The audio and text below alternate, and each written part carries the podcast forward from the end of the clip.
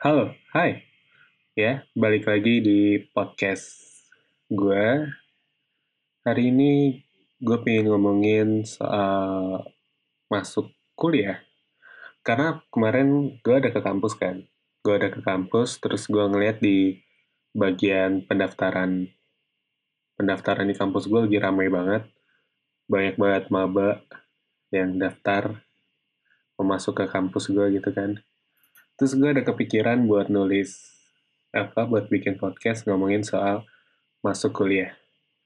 Dan uh, kemarin gue ada nanya juga ngobrol sama teman-teman gue beberapa teman gue ada uh, ada beberapa cuman gue ambil berapa nih? Satu dua tiga empat lima lima orang yang gue ambil ininya ya kayak kayak ininya lah buat ngomongin buat jadi topik gitu loh yang gue omongin kemarin tuh apa sih yang awal masuk kuliah itu yang kepikiran di kepala lu itu apa gitu kan? Kayak mungkin ada yang mikir oh kuliah ribet kuliah gini kuliah gitu. Ada yang mikir gitu gitu kan? Terus pertanyaan yang kedua apa sih yang lu rasain pas baru banget masuk kuliah dari daftar ulang sampai sekarang? Karena dari daftar ulang mungkin lu ngerasa deg-degan terus pas masuk ke wilayah kampus sudah dilihatin senior karena ada karena ada beberapa anak yang kayak pulang sekolah terus ke kampus ke kampus tujuannya gitu kan buat daftar masih pakai seragam gitu ada aja gitu. Karena gue juga pernah kayak gitu. Datang ke kampus yang sekarang gue ini daftar masih pakai seragam gitu kan. Diliatin gitu semua orang-orang buset dah. Dan uh, udah sih sebenarnya dua pertanyaan simpel itu aja. Gue ambil dari lima teman gue tapi nanti nggak akan gue sebutin uh, nama mereka siapa.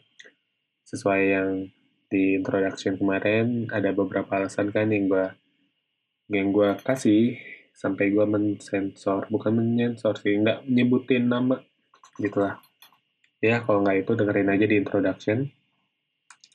Oke, okay, hal yang pertama, ini dari gue dulu ya. Kalau dari gue, awal masuk kuliah itu apa sih yang kepikiran di kepala gue? Oke, okay, kalau dari gue, saat gue masuk kuliah, yang kepikiran di kepala gue adalah skripsi. Gak tahu kenapa, yang ke pertama banget kepikiran pas mau masuk kuliah itu skripsi, terus organisasi, terus aktivitas kuliah gitu kan. Kalau skripsi, apa yang gue pikirin dari skripsi itu bisa nggak ya gue bikin skripsi terus nanti gue nyusutnya bener nggak ya? Nanti pas presentasinya gimana gitu kan pas sidangnya. Agak khawatir gitu kan. Terus soal organisasi gue kan tipikal anaknya yang apa sih ya? Waktu SMA-nya kan ya lumayan aktif gitu ya. Lumayan aktif di organisasi. Terus gue jadi ingin memperlebar uh, memperluas sayap gue gitu ya ibaratnya pengen join organisasi ini organisasi itu. Cuman pas masuk kuliah semua itu tidak terrealisasikan. Tadinya tuh gue pengen masuk senat gitu kan ya masuk senat atau masuk PPM gitu kan. Cuman kalau apa pas waktu itu ada uh, pelatihan organisasi di kampus gue cuman gue waktu itu nggak bisa ikut karena bentrok sama apa ya waktu itu ya? Pokoknya gue waktu itu nggak bisa ikut latihan organisasi yang akhirnya gue nggak bisa ikut senat kan? Karena waktu itu syarat untuk masuk senat salah satunya ikut latihan organisasi. Akhirnya gue vakum nggak ikut organisasi apa apa tapi gue ikut UKM UKM fotografi gue ikutin makrabnya tapi waktu itu gue belum jadi uh, pengurus ya karena uh, jatuhnya gue masih anggota. Dan waktu itu gue angkatan gue ada pameran terus ya biasalah jadi tahun depannya jadi panitia makrab lagi buat maba-maba yang di bawah gue terus kedua yang kepikiran di gue waktu baru mau masuk kuliah kan yang gue pikirin adalah waktunya akan lebih longgar kan dalam artian ya berapa banyak sih SKS yang bisa gue ambil gitu kan waktunya akan lebih longgar. Bener sih, kalau dari kelas sih waktu itu awal-awal masih agak longgar. Cuman, gue kebanyakan rapat. Kebanyakan ngurusin, ya rapat dari UKM, rapat kepanitiaan yang lain, ikut-ikut kepanitiaan yang lain gitu kan. Waktu aja gue pernah jadi panitia di acara senat aja tuh ada dua kali deh kalau nggak salah. Gue ikut kepanitiaan, terus juga panitia dari acara himpunan waktu itu jadi staff. Ya, gitu. Awalnya tuh kepikiran bahwa, ah kuliah enak, kelasnya nggak padet, nggak kayak SMA gitu kan, 7 jam. Ya, dari pagi sampai siang lah ya kan. Kuliah nggak kayak gitu, tapi tetap aja dapat kelas pagi. Dan rumah gue kan di daerah Tangerang, kampus gue di daerah Jakarta. Butuh effort gitu loh kalau berangkat pagi, apalagi kalau yang jam apa kelas jam 7 gitu. Ada aja kelas jam 7, gue pikir udah siang gitu kuliahnya atau nggak malam. Well, kelas malam tetap dapat, kelas pagi juga tetap dapat. Pernah gue dua hampir hampir 20 jam kali ya di kampus dari pagi jam 7 sampai kelar-kelar kuliah itu jam 9 kelas malam. Masih, masih ada kelas malam. Kelas Sabtu juga masih ada di kampus gue. Karena kayak semester ini gue setiap Sabtu jam 7 pagi. Ya. Cuma satu doang lagi. Gak enak banget dah. Cuman pagi kampus selesai udah. Terus uh, untuk pertanyaan yang kan tadi udah ya awal masuk kuliah apa yang lagi apa yang ada di kepikiran di kepala gue Terus apa yang gue rasain pas baru banget masuk kuliah? Dari daftar ulang sampai sekarang, awalnya daftar ulang, daftar ulang ya masih agak uh, pasti tegang gitu loh pas masuk ke daerah kampus gitu kan kayak diliatin masih pakai seragam, terus duduk di kursi pendaftaran itu kan open banget ya maksudnya kayak di tengah-tengah aula uh, hall kayak di tengah-tengah hall di mana itu jalur lalu lalang mahasiswa gitu kan ya. Mahasiswa liburan juga nggak full liburan gitu kan. Kayak gue liburan juga masih aja mikirin acara gitu kan. Ke kampus yang ke kampus ini itu lah banyak lah yang harus dikerjain. Terus sampai sekarang ya itu tadi bahwa semakin ke sini level dari apa pembelajarannya dari materinya juga udah mulai bobotnya juga udah mulai berat, harus lebih serius. Nah kayak waktu awal-awal, awal-awal gue ujian masih bisa ketawa ke TV gitu, sekarang ujian udah nangis nangis bombay tau gak sih? Kayak udah gila berat, apa berat gitu loh. Dan apalagi ya, yang gue rasain sekarang Oh, level tanggung jawabnya makin gede sih. Kalau dulu, waktu awal-awal, kalau, jadi panitia suatu acara gitu ya, levelnya masih sebatas staff. Tanggung jawab gue cuma satu job desk. Kayak misalnya, uh, pubdoc gitu kan, sebagai publikasi dan dokumentasi kan staffnya katakanlah ada tiga atau empat orang. Dan kerjaan itu kan di uh, dibagi gitu ya didistribusi ke staff yang lain. Katakanlah gue dapet job desk itu di hari H buat dokumentasi dan sebelum hari H itu mendesain poster gitu ya. Kalau dokumentasi ya oke okay lah itu tinggal di hari H gue bawa kamera, gue dokumentasiin momen-momen penting kayak penyerahan plakat, narasumber, eh, sambutan-sambutan itu itu biasa gitu kan. Dan pas desain desain poster ya udah gitu loh. Itu dia maksud maksud gue tuh ya itu job desk gue gue tinggal tanggung jawab dibikin poster sama pas dokumentasi. Dan misalnya bikin banner atau cari media partner itu urusan dari staff yang lain gitu loh. Ya kalau gue bisa bantu ya gue bantu gitu kan tapi pas begitu udah mulai ke sini ya udah mulai jadi korbit udah mau apa uh, koordinator bidang jadi ketua jadi pengurus harian gitu. Itu udah mulai tanggung jawabnya udah mulai gede gitu apalagi saat lu masuk himpunan atau saat masuk ke organisasi mahasiswa yang lainnya gitu kan. Senat BPM itu tanggung jawabnya makin ke sini makin gede. Apalagi kayak nanti tahun depan tanggung jawab gue kan lebih gede lagi karena uh, tahun depan adalah tahunnya angkatan gue untuk ngurus himpunan. Itu ya jadi BPH lah jadi koordinator bidang lah. Karena nanti korbit ini akan membawahi staff-staff yang akan megang acara gitu kan.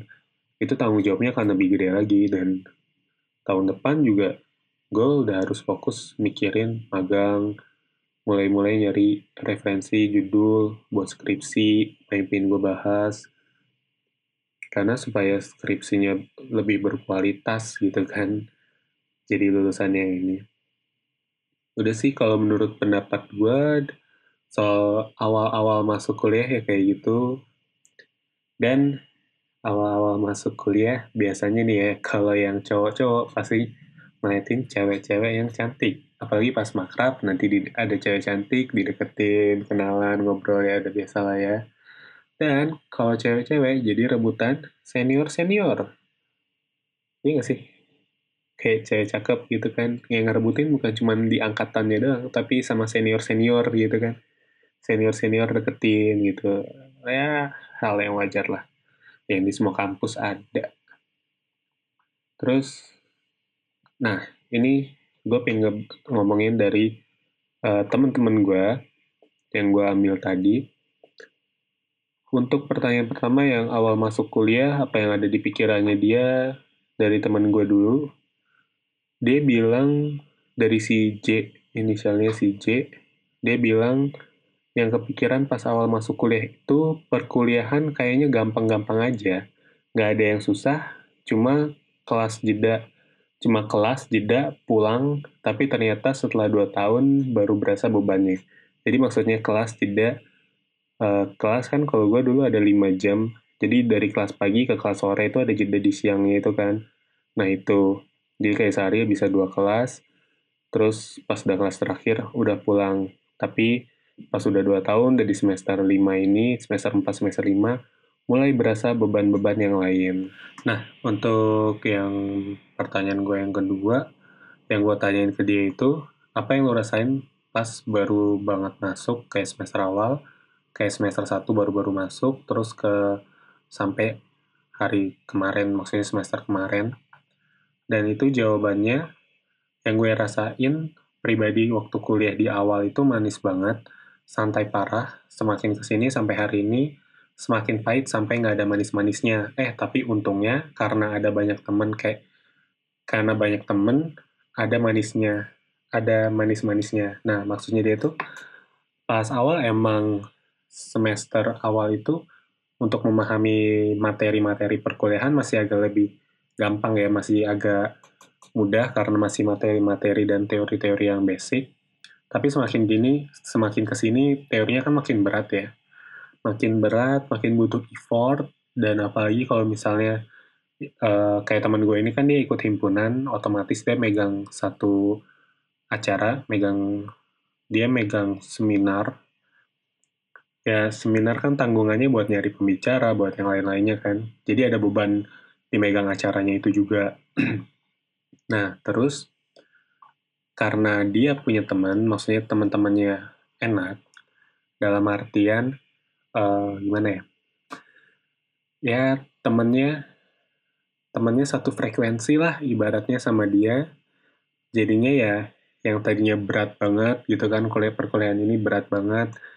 Cuman merasa jadi lebih ringan karena dia punya teman gitu. Terus ada lagi ke teman gue sebut aja K, inisialnya K, kan gue tanya, awal masuk kuliah, apa sih yang terpikir gitu kan. Dia pertama itu langsung mikirin susah dan harus menyesuaikan. Ya iya sih, kebanyakan dari teman gue juga kayak gitu. Cuman ada juga yang bilang bahwa awal kuliah itu merasa bebas dan tidak sesusah SMA karena materinya yang masih awal. Nah, gue setuju. Karena emang materi-materinya masih awal, jadi masih mudah dipahami tapi ya ke sininya ya mulai butuh effort yang gede, butuh usaha yang lebih keras lagi untuk memahami materi-materi perkuliahan itu. Dan ada juga temen gue yang bilang temennya bakal bakal temennya itu bakal makin banyak, uh, apa relasinya bakal makin banyak, tapi kenyataannya enggak. Udah kebayang sama tugas-tugasnya bakal lebih berat, bakalan dibentuk kayak orang kerja, tapi kenyataannya nggak seberapa kalau dibandingin sama orang kerja. Oke, okay.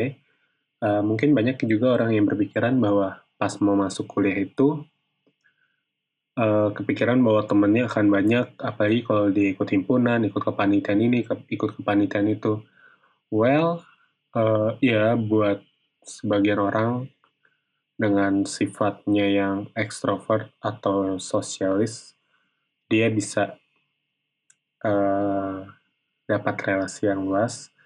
Cuman jika tipikalnya orangnya kayak gue, introvert, yang lebih lebih cenderung untuk uh, gimana ya? Uh, duh, nunggu. Lebih enak kalau circle-nya itu orangnya nggak banyak gitu. Dalam artinya kayak cuman ya nggak lebih dari 10 orang lah gitu kan. Itu lebih lebih enak gitu loh. Ngekipnya tuh lebih komunikasinya juga lebih santai gitu. Cuman kan ada orang yang ikut panitian ini, ikut eh, aktif lah, aktif sana sini, dia pasti punya teman di sana sini gitu kan. Itu poin plus sebenarnya. Cuman kan sebagian orang kan ngerasa enggak gitu. Pada akhirnya emang lo akan ngerucut. Hidup itu akan seperti segitiga, di mana saat lo di puncak, ya temen lo bisa dihitung tangan lah. Cuman itu berlaku untuk sebagian orang, nggak berlaku juga untuk sebagian orang gitu. Tapi ya ya begitulah hidup. Teman datang dan pergi itu hal yang wajar. Cuman yang stay kalian pertahankan kalian keep kayak di podcast gue sebelumnya. Yang di sesi pernah nggak sih? Coba aja dengerin. Ada gue bahas kan di situ walaupun cuman singkat terus fokus ke pertanyaan kedua apa yang dirasain dari awal masuk sampai sekarang ada yang jawab ternyata semuanya beda dari ekspektasi, dari ekspektasi makin naik semester makin susah dan banyak tugas. Terus ada juga yang bilang ribet urusan kampus, ada urusan administratif, apalagi kalau udah urusan organisasi. Udah ketahuan deh buruk-buruknya kampus. Itu sudah sudah biasa kayaknya ya. Terus ada juga temen gue yang bilang bahwa lebih kompleks dari SMA karena semuanya harus dari diri kita sendiri yang kontrol semua kewajiban di kampus, baik dari organisasi maupun akademis. Kalau udah masuk ke perkuliahan, emang semuanya itu sendiri gitu ya. Lu harus mandiri, lu harus melakukan apa-apa berdasarkan kesadaran diri lu sendiri gitu loh. Kayak misalnya gini, waktu SMA, uh, eh, lu ngadain event, lu ngadain misalnya cup, cup sekolah gitu ya SMA kan pasti ada acara cup gitu kan. Bikin event-event sekolah gitu kalian masih di manage atau diawasin sama uh, guru-guru kan. Kayak misalnya humas punya pendamping gurunya siapa terus dana bendahara terus ya pokoknya masih ada andil guru lah masih 50-50 lah sama guru itu. Tapi kalau udah, udah kuliah itu lu dilepas bener-bener dilepas dosen nggak mau tahu dosen datang kasih materi udah gitu kan. Dia nggak peduli lu di kelas main HP atau di kelas lu ngapain asal lu di kelas nggak berisik maka dia nggak akan marah gitu kan. Selagi lu nggak mengganggu apa ketertiban di kelas kayak ngobrol atau bercanda gitu dia nggak akan marah gitu loh. Ada dosen yang kayak gitu ada.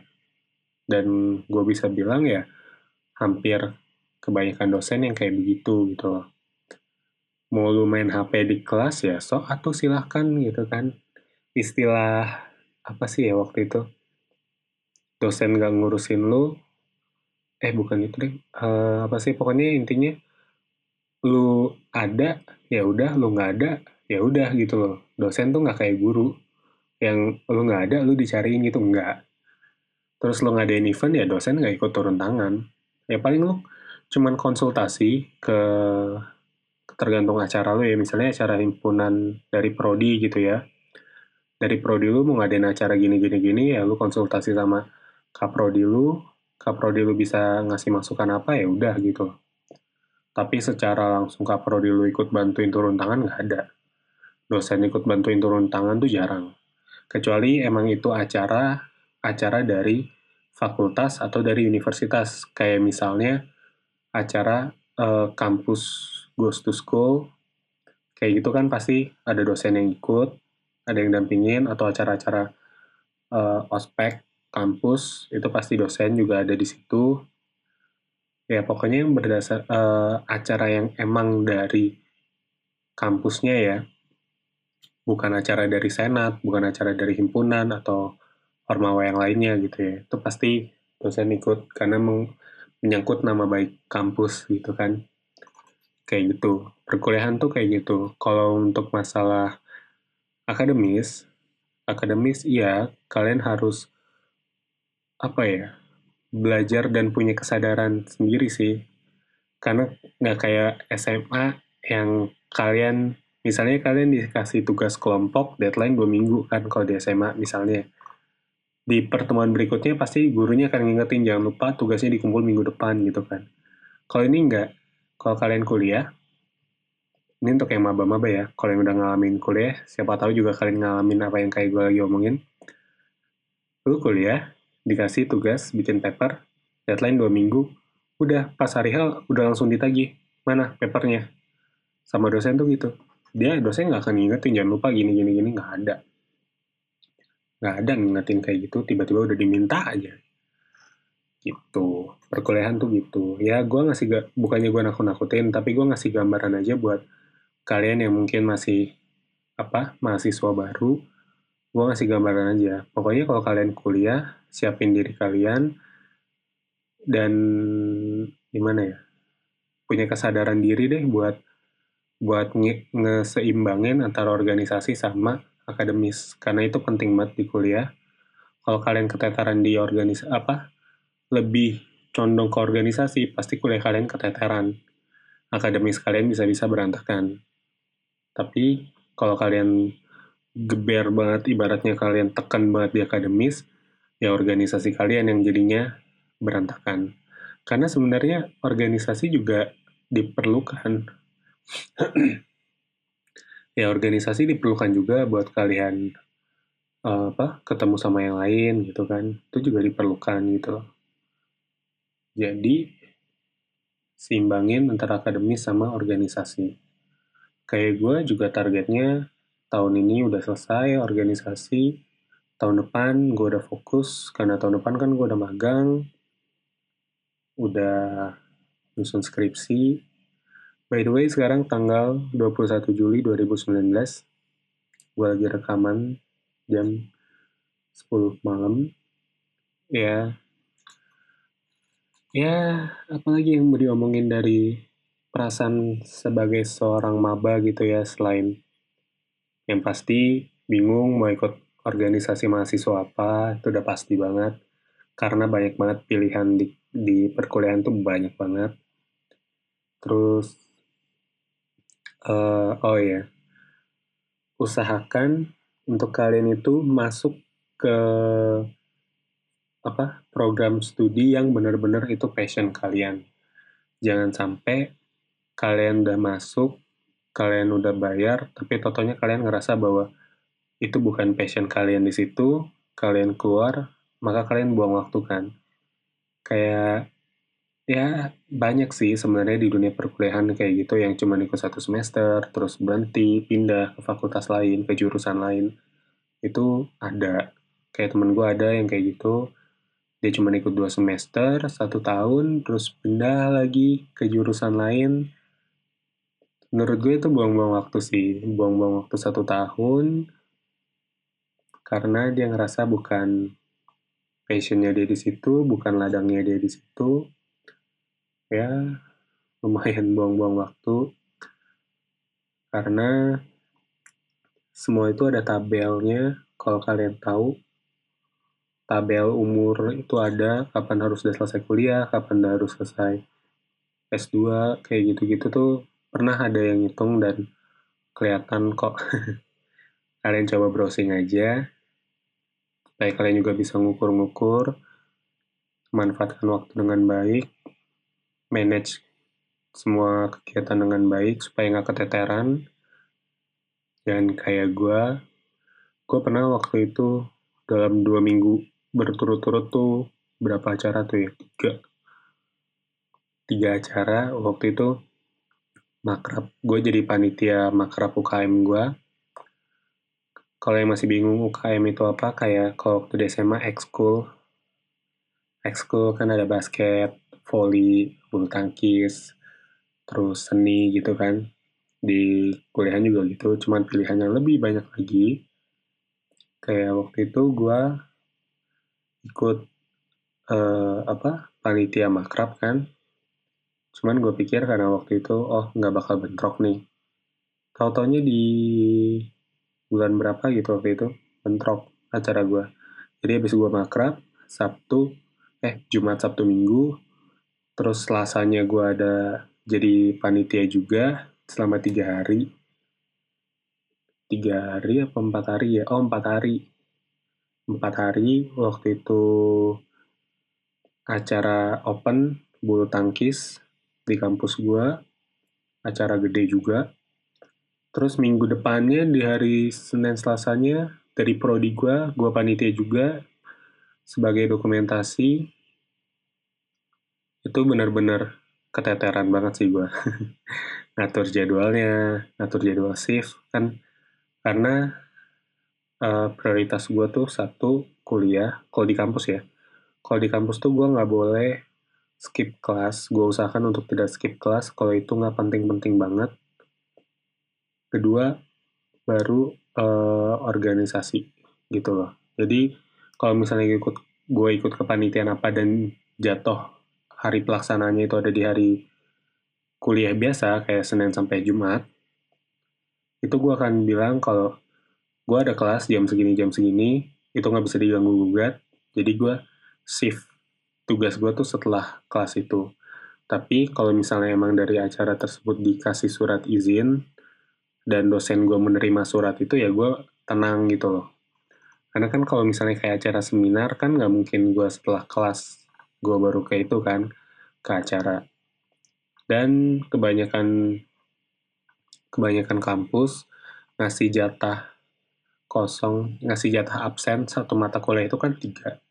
Jadi satu mata kuliah lu nggak masuk tiga kali, udah yang keempat lu udah dicekal, jadi lu nggak bisa ikut ujian. Nah itu kan batasnya tiga dan itu dimanfaatin deh maksudnya. Kalau emang kalian uh, cabut itu nggak penting-penting banget, bukan masalah yang urgent sampai lu harus ngorbanin absen lu, mending nggak usah gitu loh. Tapi kalau misalnya itu urgent banget, kalian harus pergi masalah urgent, urusan-urusan yang lebih lebih penting, ya itu oke, okay, pakai itu absen. Karena setiap setiap kampus biasanya sih ngasih jatahnya satu mata kuliah itu tiga kali nggak nggak hadir kelas ya. Tapi tergantung lagi sama dosennya, kesepakatan sama dosen, karena ada dosen yang nerima surat izin sama dosen yang nggak nerima surat izin. Biasanya susah tuh kalau dia nggak nerima surat izin. Kalian harus pintar-pintar uh, ngatur absennya. Sama jangan coba sekali-kali uh, apa titip absen. Gue pernah di kelas gue ada yang titip absen dan itu beh jadi masalah banget waktu itu dan gak ada yang mau ngaku kan jadinya ada kali itu setelah kelas tuh kita dim dulu di kelas karena gak ada yang mau ngaku udah sampai gimana? Ya waktu itu ya akhirnya ya lupa juga sih gue waktu itu akhirnya gimana. Pokoknya jadi jadi ribet deh waktu itu dosennya marah-marah nggak ada yang mau ngaku juga. Wah itu ribet banget tuh. Sampai anak yang bersangkutan tuh waktu itu ditelepon disuruh datang ke kampus. Dia yang suruh menghadap ke dosen karena minta ditipsenin. Pokoknya jangan coba-coba deh kalau saran gue ya jangan coba-coba uh, nitip absen temen kalian gitu loh tapi sekarang mau nitip absen juga susah sih, karena udah kebanyakan kampus absennya di typing kan, pakai kart, pakai kartu. Jadi ya udah nggak bisa lu titipin ke temen gitu loh. Susah juga kalau titipin ke teman, beda sesi, kelas berikutnya kan ribet. So, itu aja yang baru mau masuk kuliah, selamat. Yang keterima di perguruan tinggi, perguruan tinggi negeri. Yang nggak keterima di perguruan tinggi negeri, nggak apa, santai aja. Gue juga nyoba ke PTN, melalui segala cara juga nggak masuk. Tapi tenang aja, yang penting apa, kalian masuk ke jurusan yang sesuai keinginan kalian, nggak ada paksaan harus masuk ke inilah, masuk ke itu. Kan ada tuh orang tua yang nggak pokoknya harus masuk ke dokteran harus masuk arsitek ini itu wah itu sih udah nggak udah nggak enak hati banget itu belajarnya. Ya pokoknya masuk ke kuliah sesuaikan dengan minat kalian jalanin aja. Perkuliahan sama SMA emang beda. Yang penting kalian jalanin aja dulu have fun manage diri baik-baik, dan jangan jangan terlalu banyak sih saran gue ikut organisasi mahasiswa untuk di awal-awal ya. Kayak lu ikut senat, terus ikut UKM. Karena UKM, kalau dulu kan di SMA, UK, apa, ekskul tuh cuman satu doang gitu kan. Tapi kalau di kuliah enggak lu mau mau ikut dua lu mau ikut tiga ya it's okay nggak ada yang ngatur itu serah lu mau ikut berapa cuman saran gue sih UKM satu himpunan satu udah cukup sih. Udah cukup buat lu mumet maksud gue karena udah capek banget ikut ikut dua itu aja. Gue ngerasain ikut dua organisasi aja tuh udah udah capek gitu loh. Tanggung jawabnya juga makin besar kan semakin tinggi tingkatan lu semakin besar juga tanggung jawabnya. Jadi, usahakan organisasi dan akademis itu balance.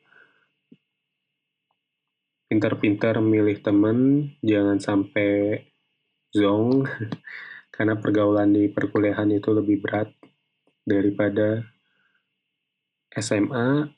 Ya kalau SMA kan temen lu itu-itu aja kan, maksudnya seangkatan ya paling berapa sih SMA 100 kan paling kecuali SMA negeri ya yang sampai ber, ber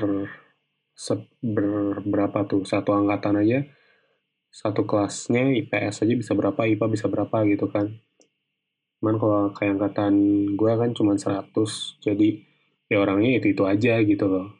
Jadi gampang kenalnya gampang taunya orangnya kayak gimana gimana. Cuman kan kalau di, di kuliah enggak. Temen lu di semua angkatan bisa kan? Di angkatan atas di angkatan bawah.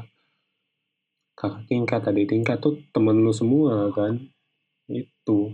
Jadi pintar-pintar milih teman, pintar-pintar milih jurusan sesuai keinginan, pintar-pintar milih organisasi, seimbangin sama akademis, jangan sampai keteteran, terus pergunakan jatah absen sesuai prioritas, jangan sampai ngurus-ngurusin cekal, nggak bisa ikut ujian, itu ngulang lagi tuh capek banget cuy. Kalau ngulang itu ribet sih, males banget nggak sih belajar dua kali lagi gitu kan. Ya, itu aja yang bisa gue omongin buat di podcast kali ini. Have fun, have a good day. Stay tuned for the next podcast. Podcast berikutnya, gue belum tahu mau ngomongin apa dan di podcast berikutnya sih gue rencana buat ngobrol sama beberapa teman gue. Tapi kita belum tahu mau ngomongin apa, jadi kemungkinan podcast minggu depan akan gue bagi dua part, karena kemungkinan akan panjang banget sih. Oke? Okay? So, thank you for listening. Stay tuned. Have a good day.